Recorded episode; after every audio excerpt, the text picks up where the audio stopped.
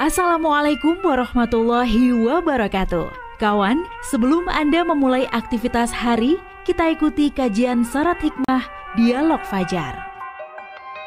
Assalamualaikum warahmatullahi wabarakatuh. Alhamdulillah kawan pagi hari ini saya Fitriana Ayu kembali bersama Anda memandu dialog Fajar. Semoga Anda pun juga sama ya dalam keadaan sehat seperti kami yang ada di studio Suara Surabaya. Ah, sudah hadir Ustadz Umar Jaini, pimpinan pesantren Al-Quran Nurul Falah Surabaya. Assalamualaikum Ustadz Umar. Waalaikumsalam warahmatullahi wabarakatuh. Alhamdulillah, kabar sehat ya Ustadz? Alhamdulillah sehat. Bayu gimana? Alhamdulillah menikmati Ustadz. Agak flu-flu dikit nggak apa-apa lah ya. iya, katanya untuk ini Ustadz me hmm. mengurangi gitu Ustadz. Uh mengurangi yang berlebihan kemarin gitu Ustadz biar nggak minum es terlalu banyak katanya hmm. begitu ya. Nah kalau ini kita tidak akan mengurangi Ustadz tapi memperbarui kalau bisa ya Ustadz. Memperbarui ya. Memperbarui supaya hmm. ibadah sholat kita ini semakin berkualitas itu gimana ya Ustadz ya? Kadang kan namanya manusia ya Ustadz, ada hmm. saja gangguannya, ada saja godaannya. Ketika kita sudah dipanggil azan, tiba-tiba ada telepon uh, yang mengharuskan rapat dan lain sebagainya. atau kadang juga masih di jalan, belum bisa melipir ke masjid atau musola. Nah, ini supaya sholat kita ini kualitasnya semakin bertambah itu yang seperti apa sih? Monggo bersama Ustadz Umar Jaini. Terima kasih. Assalamualaikum warahmatullahi wabarakatuh. Waalaikumsalam warahmatullahi wabarakatuh. Alhamdulillah. Ashhadu an la ilaha illallah wa ashhadu anna Muhammadan abduhu wa rasuluh. Allahumma salli wa sallim ala habibika sayyidina Muhammad wa ala alihi wa sahbihi ajma'in amma ba'du. Ya kawan, saya kira tema ini masih sangat menarik memperbaharui kualitas sholat. Terlebih beberapa pekan kemarin kita ini kan apa ada peristiwa besar yaitu peristiwa Isra Mi'raj itu. Hmm. Yang saya kira nilai-nilainya walaupun walaupun momentumnya sudah berjalan ya dan memang beberapa pekan ini banyak momentum Mbak Ayu ya. Hmm, banyak betul, sekali momentum-momentum ada apalagi dan hmm ada Isra Mi'raj di umat Islam, kemudian hmm. ada kemarin ada tahun politik nasional, hmm. kemudian apalagi lah banyak kemarin iya, itu ya. Betul. Banyak sekali. Tapi momentum atau nilai-nilai tentang Isra Mi'raj itu saya kira bisa diimplementasikan dan diperbarui terus-menerus. Hmm. Karena memang Isra Mi'raj itu kan peristiwa yang sangat luar biasa hmm. yang melalui apa namanya ketika itu ya perdebatan yeah. panjang perdebatan panjang antara menguji keyakinan umat Islam karena kejadiannya ya di luar nalar akal manusia apalagi hmm.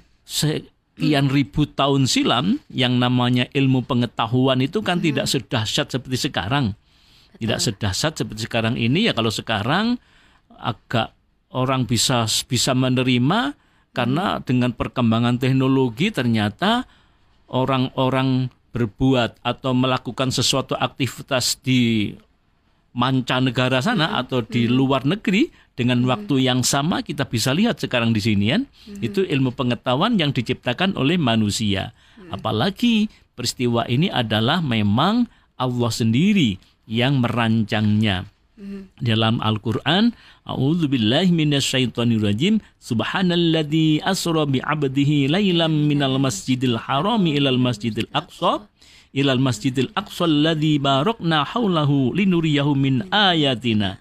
Innahu huwas samiul basir.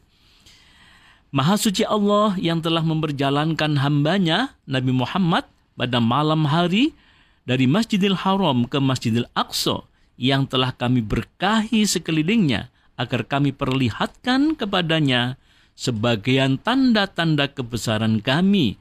Sesungguhnya dia maha mendengar lagi maha melihat. Nah, inilah kawan, memang ini adalah desain Allah bagaimana perjalanan yang akal manusia tidak bisa masuk, yaitu perjalanan dari Mekah ke Palestina.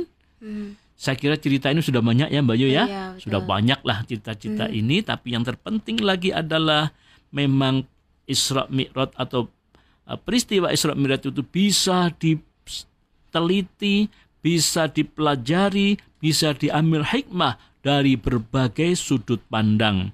Bisa dari sisi astronomi, fisika, matematika, elektronika, dan banyak lagi. Karena yang terpenting bahwa dengan peristiwa ini untuk meneguhkan keimanan bagi kita semuanya. Maka kawan, ada beberapa hal nilai-nilai yang bisa diambil dari Isra Mi'raj itu. Yang pertama adalah kisah-kisah tentang peristiwa goib yang untuk memperbaiki memperbaiki akhlak dan memperkokoh hmm. keimanan yang saya sekali lagi untuk kisah-kisah ini sudah sangat banyak bagaimana perjalanan Rasulullah. Saya kira tidak kita bahas ya pagi hari ini karena saya yakin eh, kawan pendengar hmm. semuanya sangat faham. Tapi yang terpenting lagi adalah bagaimana kita bisa lebih mengokohkan lagi keimanan kita kepada Allah Subhanahu wa taala.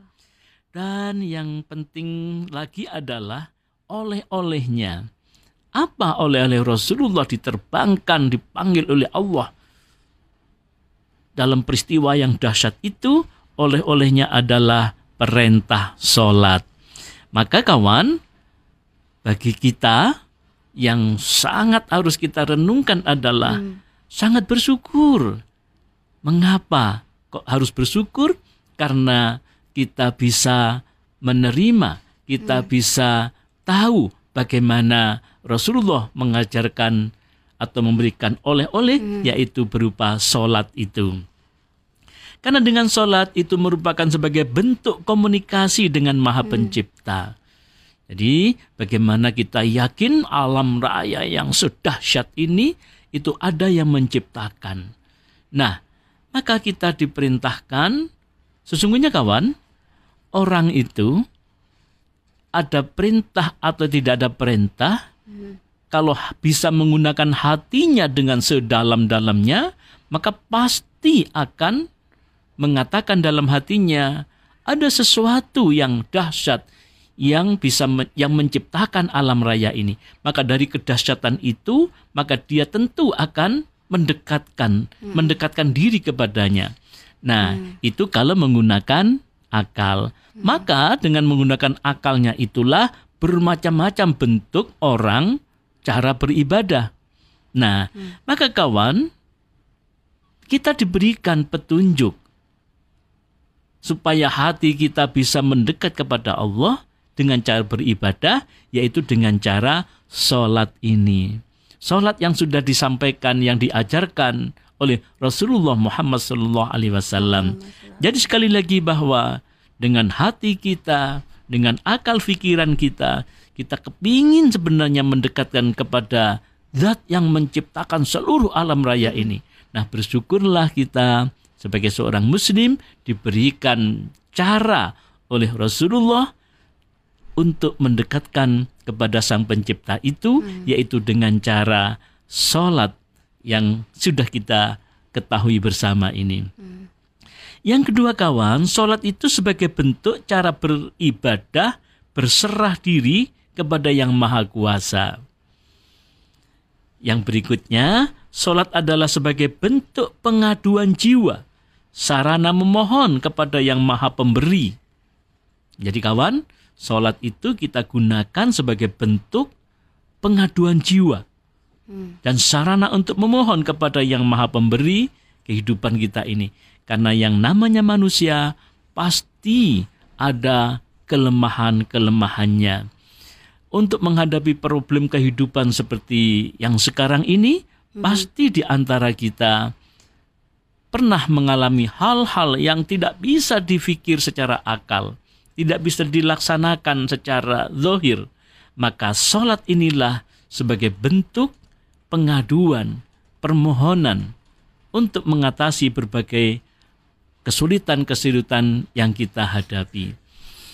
Berikutnya kawan, sholat sebagai pembeda antara orang Islam dengan yang tidak Islam. Nah, hmm. jadi jelas gitu ya, kalau orang yang sholat, karena sholat itu sebagai tiang agama. Sholat itu sebagai uh, pembeda. Hmm.